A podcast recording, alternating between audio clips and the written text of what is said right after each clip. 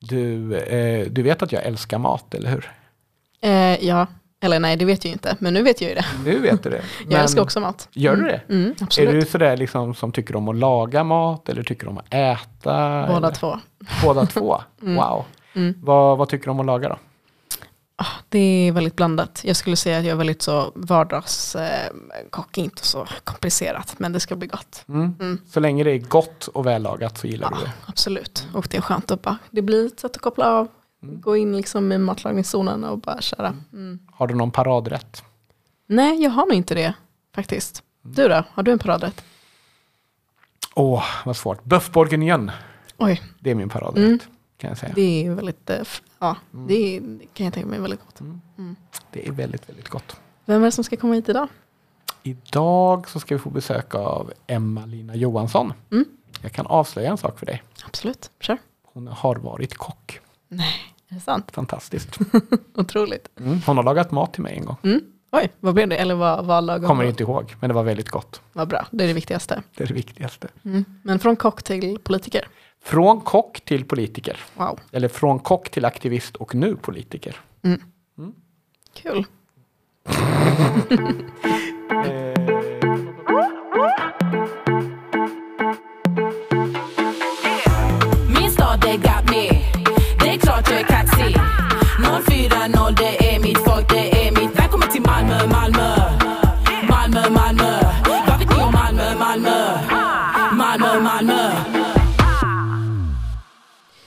Du lyssnar på Den röda tråden, en podd från Vänsterpartiet Malmö med mig, Rema Rahman. Och mig, Daniel Shestrajcic. Idag ska vi prata med Emma-Lina som är op- oppositionsråd för V Malmö samt ledamot i beredningen för socialpolitik och individomsorg hos SKR, Sveriges kommun och regioner. Kul! Och nu kommer hon. Emma-Lina, välkommen. Hej, tack så jättemycket. Du är så supervälkommen. Du är ju faktiskt Vänsterpartiets eh, ledande politiker här i Malmö. Åh, konstigt känns det, Mm. men kul. Kul men konstigt. Ja, kul men konstigt. Var det konstigt att vara kock?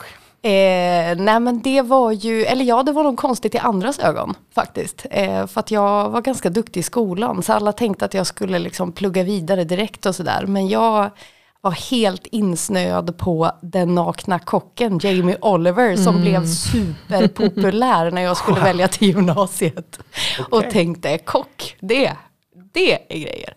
Så då ja, blev det hotell och restaurang istället. Då blev det hotell och restaurang. Men, eh, och sen så fick du jobba som kock efter gymnasiet då också eller? Ja, jag började ju redan när jag gick i gymnasiet och eh, Wow. hängde på restauranger runt om Sala där jag kommer ifrån. Men eh, sen så fortsatte jag ju och jobbade eh, ja, på lite olika restauranger i Västerås och sen så flyttade jag till Göteborg och jobbade på ett eh, fantastiskt ställe på Orust. Okej. Ja. Men hur, hur är det att jobba som kock då? Ja men det är ju slitigt skulle jag ändå säga. Det var ju väldigt långa dagar. Det var ofta 12 timmars dagar minst och det är ju väldigt dåligt, eller var när jag jobbade, väldigt dåligt betalt. Eh, det är ju ganska eh, tuffa villkor liksom på olika sätt. Eh, och dessutom så var ju jag ofta ensam tjej i köket. Och det är också ganska tufft faktiskt. Så dåligt betalt och ensam tjej i köket. ja. Och jag med, här i Malmö så kan man väl verkligen tala om tuffa villkor i alla fall stora delar av restaurangbranschen där vi jag men, har läst de här reportagen för några år sedan i Verkligen. Malmö kring de indiska restaurangerna som hämtar hit bangladeshier och lät dem bo i källaren och så vidare. Och så vidare. Ja, verkligen. Det är ju en svår bransch att både organisera och kontrollera, tänker jag.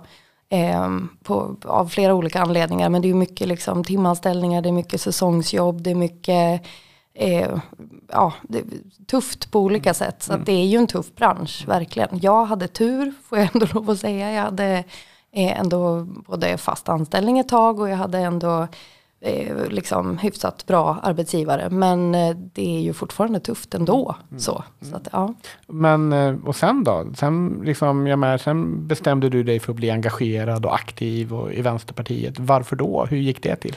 ja, men det hade nog ganska mycket att göra. Alltså dels att jag kommer ifrån arbetarklass, att mina föräldrar har jobbat på Konsum och i liksom, vad heter det, biltillverkningsbransch, eller på säga. Pappa jobbar på karossen i Sala ett tag. Eh, och att det var ju alltid tufft när jag växte upp på olika sätt. Så. Eh, och att mamma var väldigt engagerad och, och, vi pratade mycket om politik. Kanske inte direkt, de har aldrig varit liksom politiskt aktiva.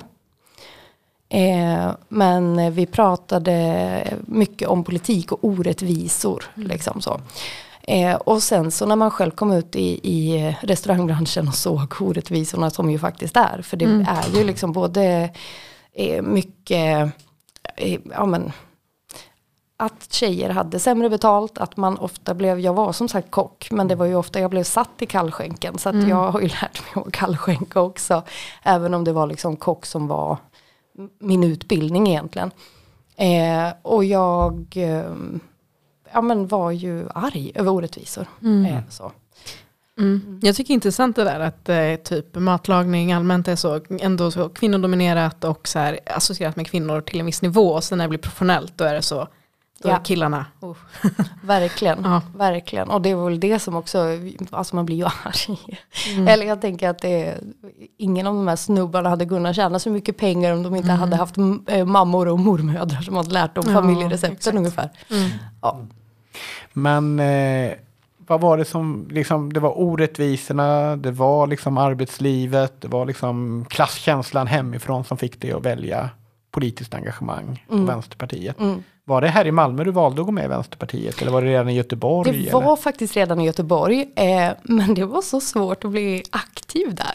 Nu outar jag VGBG, förlåt. Hundra år sedan. ja, det är hundra år sedan. Men eh, jag hade jättesvårt att fatta hur jag skulle bli aktiv. Jag har ju liksom aldrig varit det. Eh, jag var inte aktiv i Ung Vänster till exempel, utan eh, blev det först i vuxen ålder. Och det var så svårt att bli aktiv i Göteborg. Men sen flyttade jag till Malmö. Och då var det ja, men det, var 20, det var tio år sedan, 2013, eh, inför att det skulle bli valår igen. Och så kände jag, nej men jag kan inte bara sitta hemma, jag måste liksom mm. göra någonting. Så då fick jag tips om att mejla Vänsterpartiet Malmö, så då gjorde jag det. Eh, och eh, fick korrläsa texter till Folkviljan, vår medlemstidning. Det var mitt första min första kontakt. Och sen var jag tvungen att komma dit och fysiskt lämna in de här texterna. Smart av Olof som jobbade på Expen då. Eh, och sen lurade han in mig där i olika roliga saker. Och sen gjorde du och jag organisatörsutbildning ihop och lite sånt där. Mm. Ja. Det gjorde vi. Ja.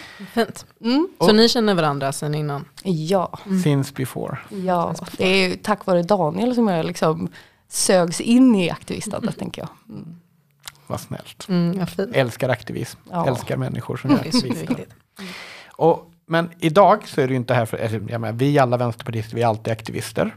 Ja. Men eh, nu har du också eh, varit och är eh, vårt oppositionsråd. Ja. Eh, hur är det? Hur känns det? Ja men det är ju frustrerande. alltså det är ju jätteroligt. Det är väldigt, jag älskar debatterna och jag älskar att liksom eh, känna att eh, ja, men medlemmarna har tagit fram ett kommunalpolitiskt program och vi är liksom satta att försöka genomföra det här på olika sätt och protestera mot galna förslag som kommer från styret och så vidare. Eh, men det är ju också frustrerande att inte få vara med och bestämma för att vi vet ju att vår politik är bäst. Liksom. Eh, så det kan vara, eh, ja det, det är både och. Men det är ju framför allt oerhört roligt. Man lär sig ju väldigt mycket om hur mm. saker fungerar och vad människor gör och vilka jobb det finns och hur en kommun hänger ihop och så vidare. Mm. Nu, du, du sa styret och det vet ju vi vilka det är. Ja. Vilka är styret i Malmö? Bara så att alla som lyssnar vet det också. Ja, styret i Malmö nu efter valet är, eh, består då av Socialdemokraterna, Liberalerna och Miljöpartiet. Eh, så det är ett minoritetsstyre. Eh, och det bygger då på att eh, de kan genomföra sin politik för att vi inte går ihop med moderater, centerpartister och sverigedemokrater. Mm. Eh, det händer ju ibland att eh, vi lägger förslag som de övriga oppositionspartierna röstar på, eh, hör och häpna. Men det händer någon gång ibland och då eh, har ju vi majoritet gentemot det här styret. Mm. Men det är ju extremt sällan eftersom vi är så otroligt olika mm. med vad vi vill med Malmö. Mm. Jag har, jag har faktiskt en fråga till och sen så tror jag att vi har lite andra spännande frågor kring mm. rikspolitik mm. och sådär. Så, men om vi håller oss lite i Malmö ändå. Så, vad tycker du är det bästa som det här minoritetsstyret har gjort under Oj. den här mandatperioden? Finns det någonting som är, ja men det här var väl riktigt bra? Eh, eh, det var en bra fråga. Nej, alltså, mm, jag försöker tänka på vad de faktiskt har gjort. Ja, ja, det som har varit bra är väl att de eh, till slut insåg att eh, det folkliga upproret med att göra ett minnesmonument för eh, eh, ja, vad ska vi ens kalla det, jag vet inte om vi ska säga hans namn, men Peter Mangs offer helt enkelt. Eh, att det, de har tagit det på allvar och att det faktiskt verkar bli av. Det är ju positivt tänker jag, eh, får man lov att säga.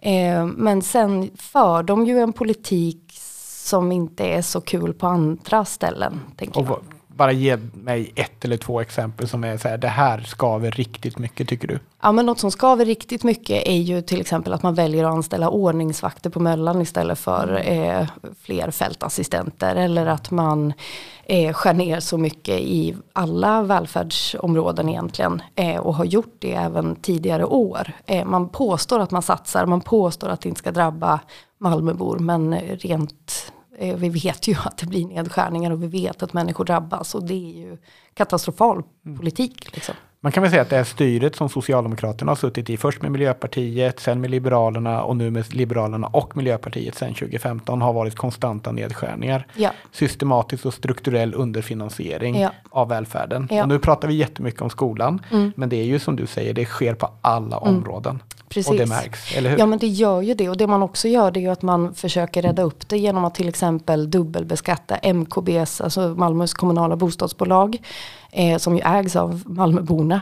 Man eh, dubbelbeskattar dem genom att ta ut eh, vinst ur bolaget för att finansiera välfärden i övrigt. Och mm. det är ju, varför ska några få betala liksom dubbelt för att eh, alla vi ska ha det bra? Det är ju bättre att vi finansierar det gemensamt via skattesedeln tänker jag. Mm. Verkligen. Men vi ska ju gå in på lite andra ämnen också. Mm. Eh, och en sak vi ska beröra det är tidavtalet. Mm. Och eh, det är kanske bäst att bara börja med vad, vad är tidavtalet och vad betyder det för Sverige? Ja,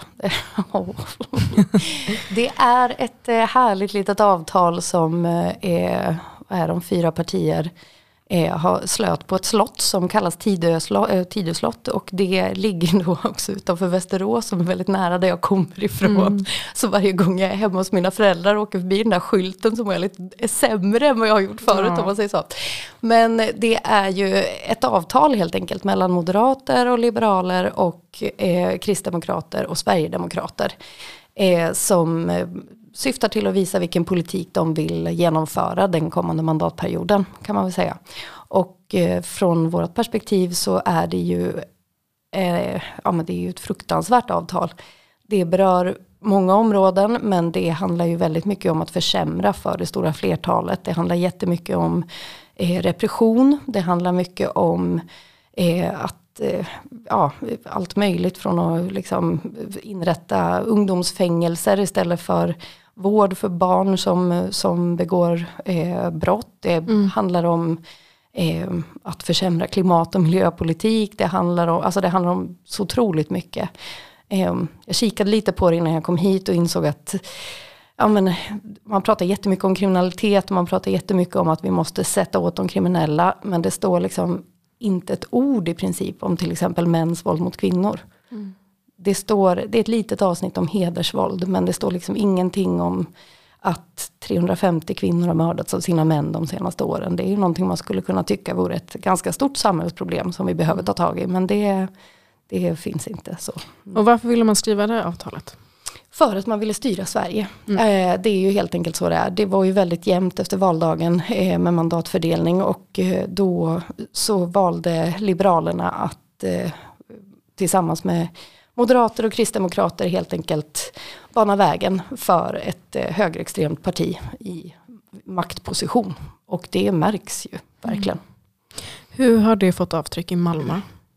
Ja, men jag skulle säga att det handlar både om alltså en, en höger, en borgerlig politik är ju per se dålig när det kommer mm. till eh, jämlikhet till exempel. Eh, vi kan se att för första gången på några decennier till exempel så ökar inkomstklyftan mellan män och kvinnor i Skåne. Eh, det är en sån sak som, alltså det är ju politiska beslut som leder till det.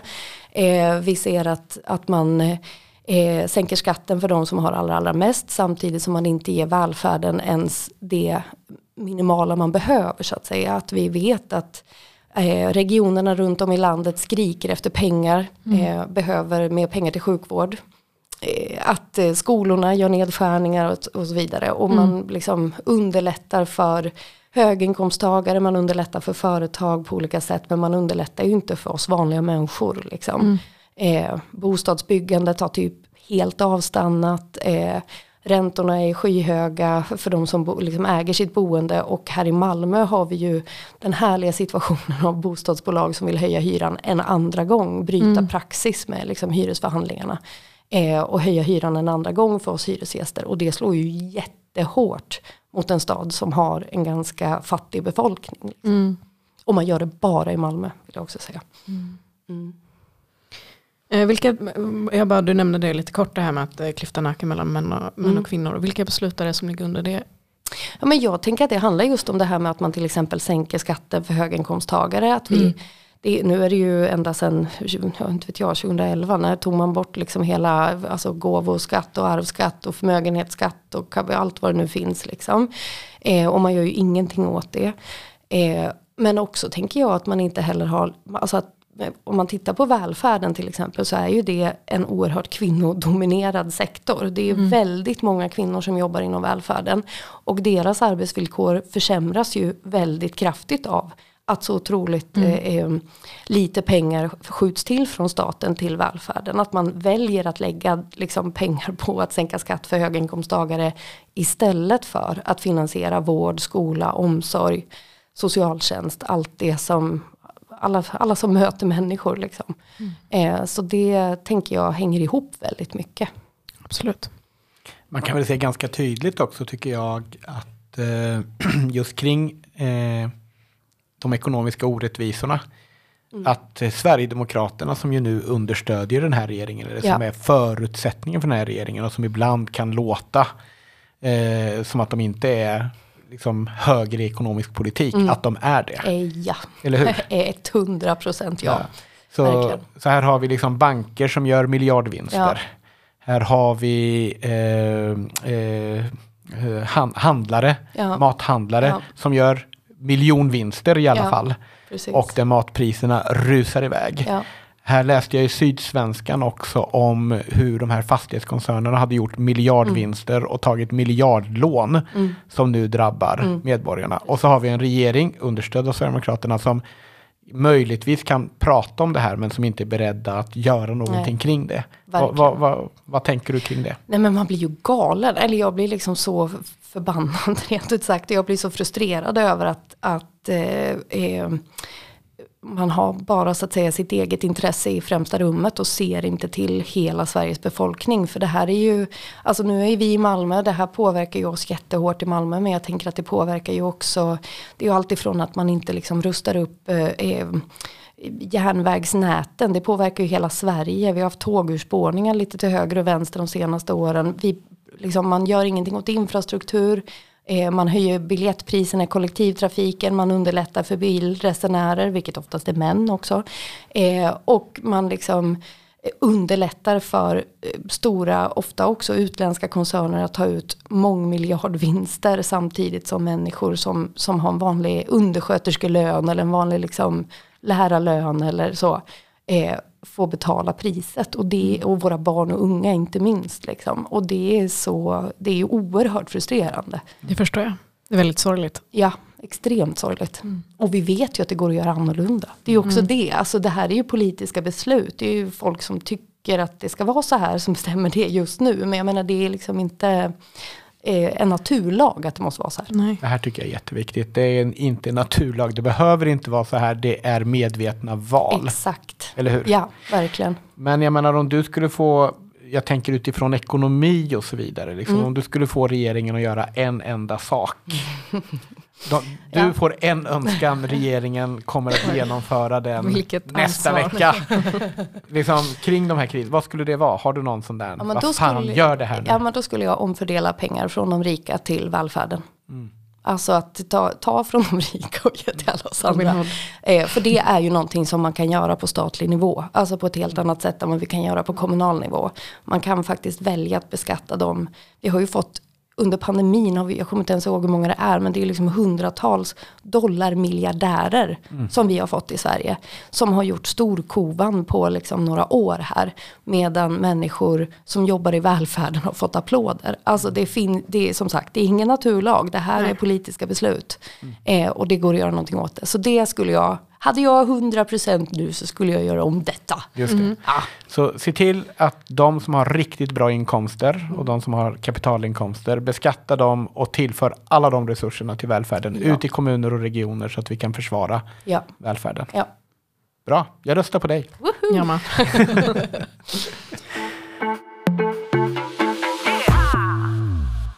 Ehm, Tidöavtalet präglas ju väldigt mycket av, av rasism, men det är ju borgerpolitik tillsammans med rasism. ja. Mm. Ehm, och eh, en av de liksom, saker man vill få igenom är det här eh, angiveriet. Mm. Ehm, och Vänsterpartiet i Malmö fick igenom ett nämndsinitiativ som handlade om att Malmö, Malmös välfärdsanställda inte ska ange papperslösa. ja. Vill du berätta mer om det? Ja men det är jag väldigt stolt och glad över måste jag säga. Alltså för att det, det är ju också en del av det här tidavtalet. Att det, är, det bygger ju som jag sa mycket på att gynna eh, vissa grupper men att också liksom utöva repression och det grövsta åt andra grupper. Eh, och eh, angiverilagen eh, som är på förslag är ju en, en sån grej. Där man alltså tycker eh, från Tidöpartiernas sida att eh, eh, människor som jobbar inom välfärden ska helt enkelt ringa polisen och säga nu har jag en papperslös person här. Eh, även om man jobbar som läkare eller sjuksköterska eller psykolog eller lärare eller förskollärare eller vad det nu kan vara. Eh, och det är ju en djupt, ja det är så, det är en människosyn som gör att man blir liksom rädd tycker jag. Eh, så vi tog eh, helt enkelt inspiration av Region Skåne som där faktiskt alla partier utom Sverigedemokraterna ställde sig bakom ett initiativ eh, om att eh, tillskriva regeringen och säga att nej men våran personal kommer inte pyssla med det här. Eh, ni får lägga ner den här tanken om att välfärden, eh, välfärdens arbetare ska ange någon. Liksom. Det är inte det samhället vi vill leva i. Eh, så vi tog inspiration från det och lämnade in ett sånt initiativ till kommunstyrelsen där jag sitter. Eh, och då tillsammans med Anders Gans och Tobias Pettersson och Sadi Altundal. Eh, och då fick vi faktiskt igenom det. Den här gången dock utan Sverigedemokrater och Moderater. Vi anar att de har fått eh, bassning uppifrån att här ska ni inte skriva några eh, propåer till, till er regering. Liksom. Men eh, alla andra partier ställde sig faktiskt bakom det. För man vill hålla freden här i tidavtalet. Man ska ju liksom inte... Exakt. Sen är det ju speciellt skulle jag säga i Malmö. För jag menar Tidöavtalet innefattar ju Liberalerna på nationellt plan. I Malmö styr ju Liberalerna med Socialdemokraterna och har tagit ganska kraftigt avstånd från Sverigedemokraterna. Och är också ganska eh, tydliga med att de inte riktigt gillar det här samarbetet på nationellt plan. Det får man väl säga hedrar Liberalerna ändå här i Malmö. Men eh, det är ju ändå lite roligt tycker jag. Att eh, det ser ut på det sättet. Och så, ja, lokal politik kan ändå skilja sig liksom från nationell. Eh, Absolut. även om jag protesterar kraftigt mot deras politik här också. Det finns ju andra problem med Liberalernas politik här. Exakt. Det finns grader i helvetet så att säga. Men eh, är det så att det här sprider sig som en löpeld genom Sverige just nu? Det gör ju det, det är jätteroligt måste jag ändå säga. Eh, för att vi har, sen vi lämnade in vårt initiativ så har vi liksom sett eh, ab- flera, både storstäder och små kommuner och liksom stora regioner som gör samma sak. Eh, jag såg någon lista häromdagen eh, på en blogg som jag nu inte kan berätta exakt vad det var för det kommer jag inte ihåg. Men eh, där det var listat 73 olika kommuner, regioner och eh, eh, civilsamhällesorganisationer och fackförbund som har liksom gått ut och öppet protesterat och tillskrivit regeringen om att det här är ju ett uselt förslag. Och det, mitt i den här blåbruna röran så får man väl ändå vara oerhört glad över att motstånd lever. Absolut. Verkligen. Ja, alltså jag undrar lite grann, hur, hur nära är, är det till verklighet? Det, jag skulle säga att det är ganska nära. Mm. Mm, och det, eller jag märker det framförallt när jag sitter i, eller så här, man märker det överallt. För att Mm. det blir ju också ett sätt att prata med varandra. Mm. Alltså att man helt plötsligt, eh, ja men man kan säga saker, man kan liksom tycka saker som, som om vi bara tittar på sen 2015, verkligen inte hade varit acceptabelt. Helt plötsligt är det en legitim eh, sak att säga offentligt och öppet. Eh, jag skulle också säga att det blir, alltså att vi ser en skiftning från eh, kollektiv till individ. Jag har tänkt så mycket på det nu i sommar när det har varit liksom, ja, men först Björn Söder och hans uttalanden om, om Pride-parad och så vidare eh, från Sverigedemokraterna. Och sen Jomshoff, också Sverigedemokraterna, eh, hans uttalande liksom om eh, koranbränningar och så vidare. Eh, och att då, eh, liksom, eh, ska man säga, protesten blir, de måste avgå. Istället för att säga det här partiet får inte bestämma Mm. mer. Alltså förstår ni? Att det, är Ja, liksom, precis. det blir ett så här, bara vi får bort någon enskild så blir det bra. Mm. Eh, och att liksom ansvaret skiftar till Att man kan städa någonstans så att inte det säger någonting om partiet. Precis. Och jag menar de är liksom, de är grundade i en ideologi Mm. som är ganska gräslig. Liksom. Det, är ju den, det är ju det som är problemet, inte enskilda personer även om de också verkar vara riktiga mm, Ja, det får vi inte säga. Nej men och det är en sån tydlig sak i eh, SKRs, eh, alltså i den socialpolitiska beredningen som jag sitter i SKR. För att vi får remisser på alltså förslag som kommer från staten. Där vi ska ta ställning till kommuner och regioner. Eh, vad de tycker. Liksom, så. Eh, och det är ju verkligen, ja men det är alltifrån att polisen ska få helt obegränsad tillgång till, eh, till register, till exempel sjukvårdsjournaler eller eh, socialtjänstens eh, register. Det är att vi ska ha fängelser för barn. Det är, eh, ja men ni fattar, det är liksom så här, det är bara förslag som är väldigt, eh, ska man säga, inskränkande och liksom integritetskränkande i människors liv. Men som också kan vara ganska farliga tänker jag. Eh, som blir liksom en helt, det blir en annan världsordning vi lever under om vi, om vi liksom kommer in i det här.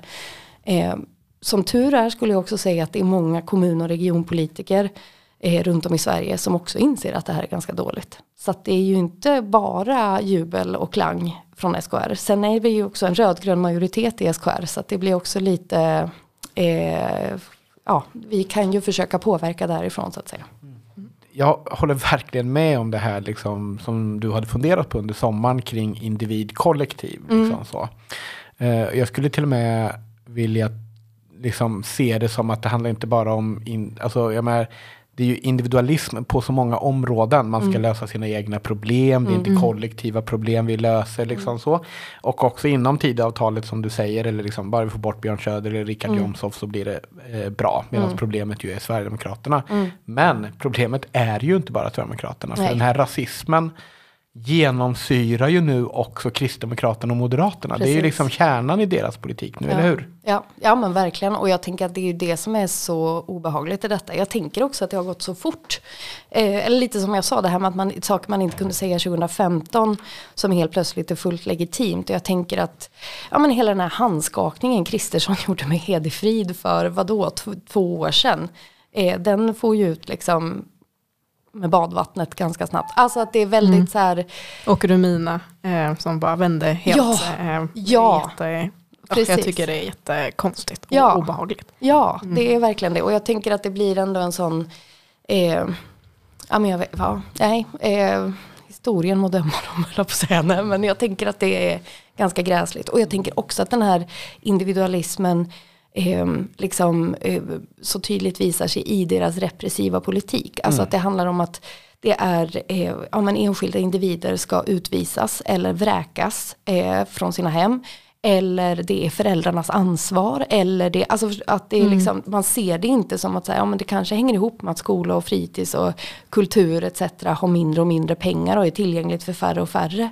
Eh, utan det är liksom föräldraansvaret. Och det är Och ju, klassklyftor och Ja men exakt, segregation. Och, precis. Och klassklyftorna är ju någonting som ökar Oh, enormt nu. Liksom, Ja. så. Men jag menar, det här är väl en del av en eh, internationell våg egentligen. Sen så är det ju tråkigt att eh, Sverige rycks med av den. Mm. det som ju ändå på något sätt är positivt är både motståndet via eh, att man vägrar ange, Mm. men jag uppfattar också att det finns ett motstånd kring att försvara välfärden. Mm. Att man inte har gett upp. Alltså här i Malmö ser vi det i motstånd mot skolnedskärningar som ju görs av Socialdemokraterna, Liberalerna och Miljöpartiet. Men också kring andra saker. Och jag tänker liksom välfärden är ju någonting som är oerhört centralt för Vänsterpartiet och för dig som politiker.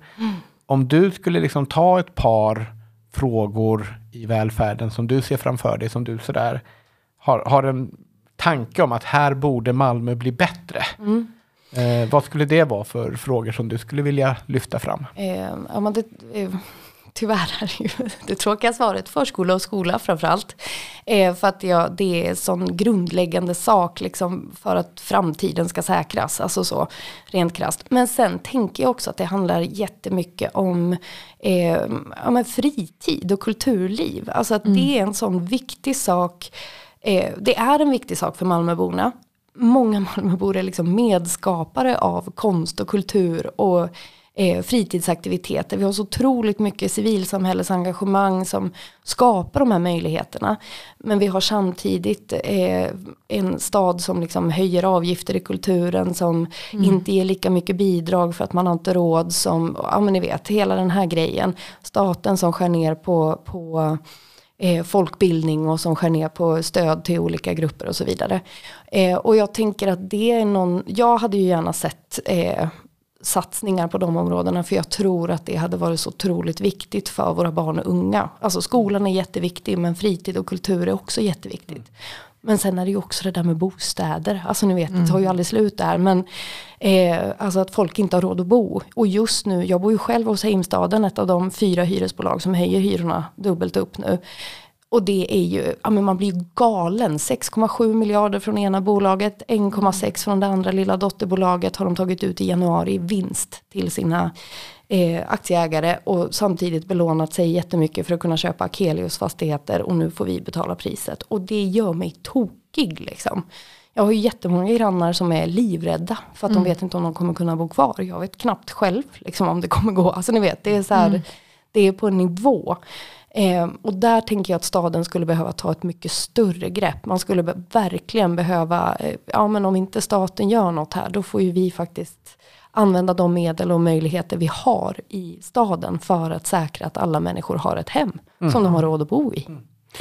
Och är det, det är väl som du beskriver egentligen, många av de här sakerna hänger ju ihop. Ja, Därför att om allting blir dyrare, kulturen blir dyrare, skolan blir sämre, Mm. hyrorna höjs och så vidare, då blir det ju svårare att leva Ja. i Malmö. precis. Eh, speciellt en stad med, vad har vi, ganska stor barnfattigdom, Ja, 30 procent. 25, 25, 25 procent. Lite mindre än vad jag trodde. Ja, mm. Men ändå jäkligt många människor som lever i fattigdom. Verkligen. Och då måste väl välfärden finnas där? Precis. Eller hur? Ja, och jag tänker att det är också så här, ja men hur ska jag säga, jag älskar allting som civilsamhället gör. Alltså det är fantastiskt att, stat, att Stadsmissionen till exempel och Röda Korset och så vidare, att de har alla program och alla, alla liksom grejer de gör. Men jag tycker det är fruktansvärt att vi måste ha Matmissionen till exempel. Som är ett stadsmissionsinitiativ. Alltså en, en matvaruaffär som får sina varor i princip, eh, alltså att det är svinn från andra matbutiker. Som de då kan sälja till billigare penning. De har ju fått sätta stopp för antalet personer som kan komma in och bli medlemmar och handla där. För att det är så otroligt många. Och det är liksom Ja, men det är barnfamiljer, det är pensionärer, det är liksom he helt vanliga människor som helt plötsligt inte har råd med mat. Och det är, alltså det är på en nivå som är ovärdigt ett så oerhört rikt land som vi är. Och det är så oerhört ovärdigt att det är några få som får liksom ha råd att leva och andra måste kämpa för att ens överleva. Och menar, man skulle vilja att det här civilsamhällsengagemanget, alla de här människorna som engagerar sig, det skulle man ju vilja skulle kunna gå till att stärka samhället och inte rädda Exakt. människor från undergång. Precis, eller hur? Verkligen. menar, det är ju inte så här, an, antingen måste vi jobba för att människor inte ska dö eller Mm. så vill vi inte vara aktiva. Nej. Eller hur? Precis. Ja, men tänk vad mycket roligt vi hade kunnat göra om det Mm. var liksom, eh, bara extra och inte eh, rädda liv. Verkligen, verkligen. Jag tänker också att eh, det här är ju politik som vi drabbas av på grund av den regeringen som finns nu som är långt ut på högerkanten. Ja, Det ser vi i rasismen men det ser vi framförallt också i den ekonomiska verkligen. politiken. Liksom så. Vilket man ju ofta glömmer, vilket man liksom kan gå bort sig i Mm. när man liksom måste försvara mänskliga rättigheter. Precis. Så då, då liksom blir det så här, jaha, då kommer man, i, då kommer man liksom förbi med en extrem Mm. eh, ekonomisk högerpolitik. Jag tänker Eh. att det är SDs liksom grej också. Alltså att de kan göra sådana här uttalanden om, om prideparader eller om koranbränningar. Då slipper de ju få fokus på att de liksom vill eh, sänka skatten för de rikaste och Eller att vi slå har undan benen på- bankmiljarderna Ja, men exakt. som övervinster och så vidare. Ja. Men då tänker jag också, det är ju den här regeringen. Men jag menar, innan den här regeringen Mm. så hade vi en socialdemokratisk regering. Var det så mycket bättre? Alltså jag menar, det var inte Nej. extrem högerpolitik, Nej. men Nej men, Vad det var, tänker du? nej men absolut. Jag skulle säga, det som jag tycker, jag pratade om det idag med, med en partikamrat från en annan plats i landet. Jag tyckte det var ändå roligt att så här, eh, för jag delade en bild, jag såg, Dagens ETC hade en artikel om att eh, sossarna i Tyskland vill frysa hyran i tre år. Fantastiskt bra politik tänker jag. För att det handlar ju verkligen om att rädda liksom, människors eh, privatekonomi och att eh, barnfamiljer ska kunna bo kvar och så vidare. Kul initiativ av sossarna. Eh, och, och så skriver han, han bara, nej nej, men sossarna här kollar ju bara på sossarna i Danmark. Och så kom vi på att ja, det gör ju Moderaterna också.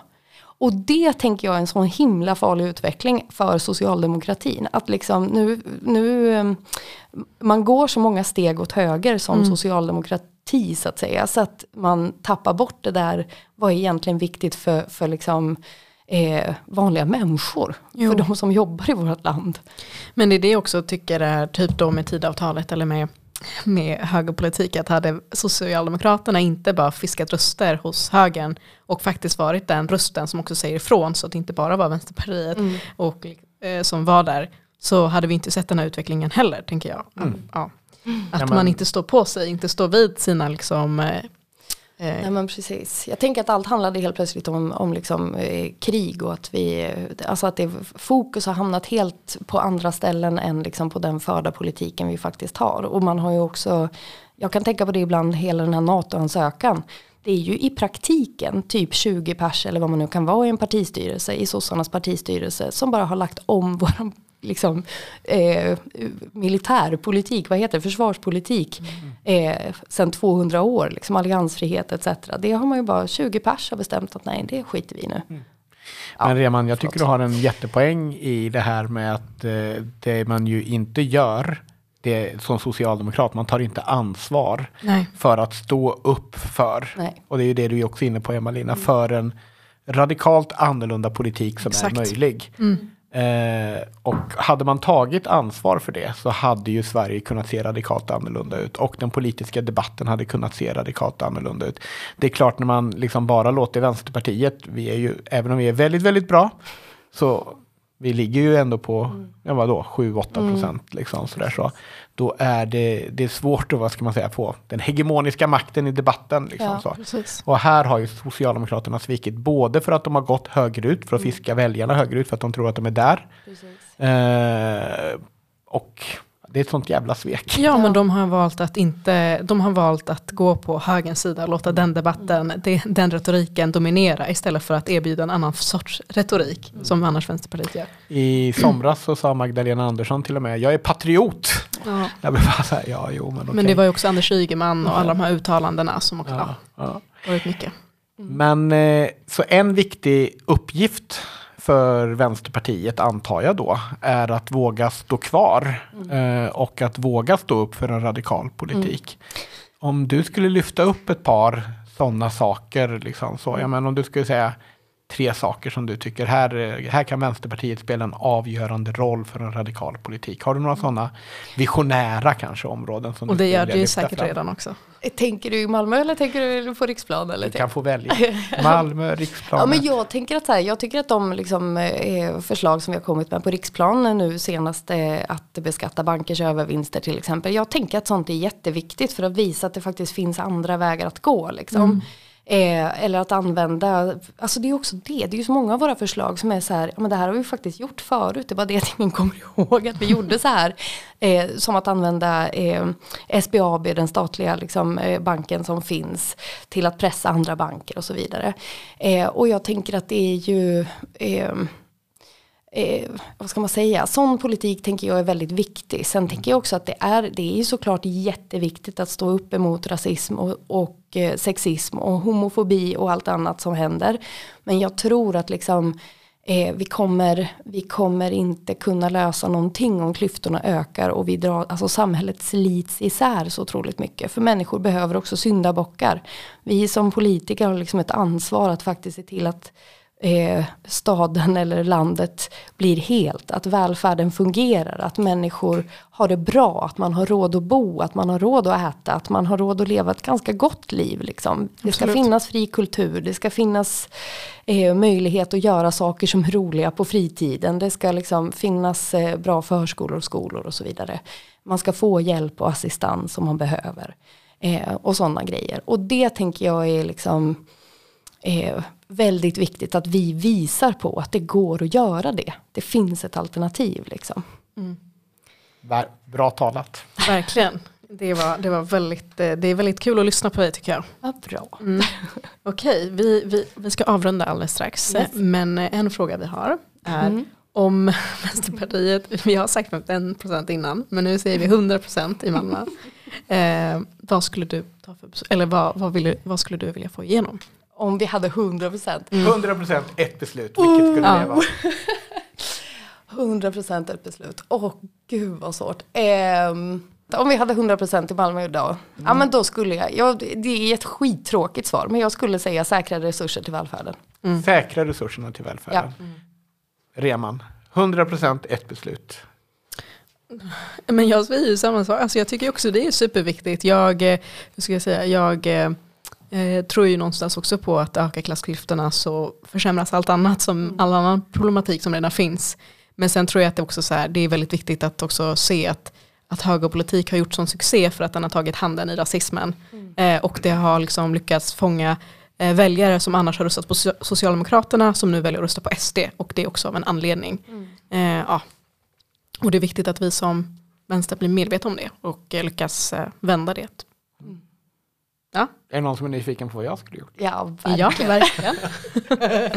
Ja men då säger jag nog ändå, alltså jag, såklart håller jag med, det här är ju skitsvårt. Men eh, 100%, vi säger så här istället, 100% första beslutet, jag skulle genomfört en arbetstidsförkortning. Ja, För jag tror det är människor mår så jävla dåligt idag av att eh, jobba ihjäl sig. Samtidigt som det är massa människor som inte har ett arbete. Och att få tid och makt över sig själv, sitt eget liv, sitt arbetsliv, demokratiserat arbetsliv såklart hänger ihop med det här. Det tror jag skulle liksom vara en game changer Ja. för väldigt många människor. verkligen. Så. Absolut, Så- det låter underbart. Vi genomför alla våra beslut. Ja, Ja. perfekt. Vad kul det kommer bli. Det kommer bli skitbra. Eh, supertack Emma-Lina som Mm. är oppositionsråd för Vänsterpartiet i Malmö att du kom hit Så och mycket ville för att jag prata fick komma hit, det var jättekul. Det tyckte jag med. Det här var roligt. Det var det. Och det gör vi om snart igen, eller hur Reman? Det gör vi. Det Ja. gör vi. Tack så Dess. jättemycket. Men ha det fint. Ja.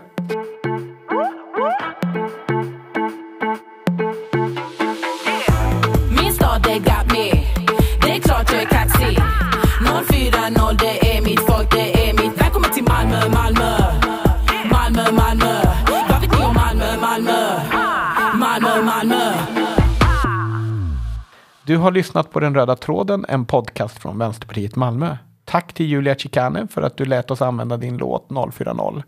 Podden spelades in hos ABF Malmö, producerades av Malmö Vänsterns kommunikationsgrupp och klipptes av Hakuna Matata Produktion. Är du inte medlem i Vänsterpartiet så är det dags att bli det på vänsterpartiet.se bli medlem.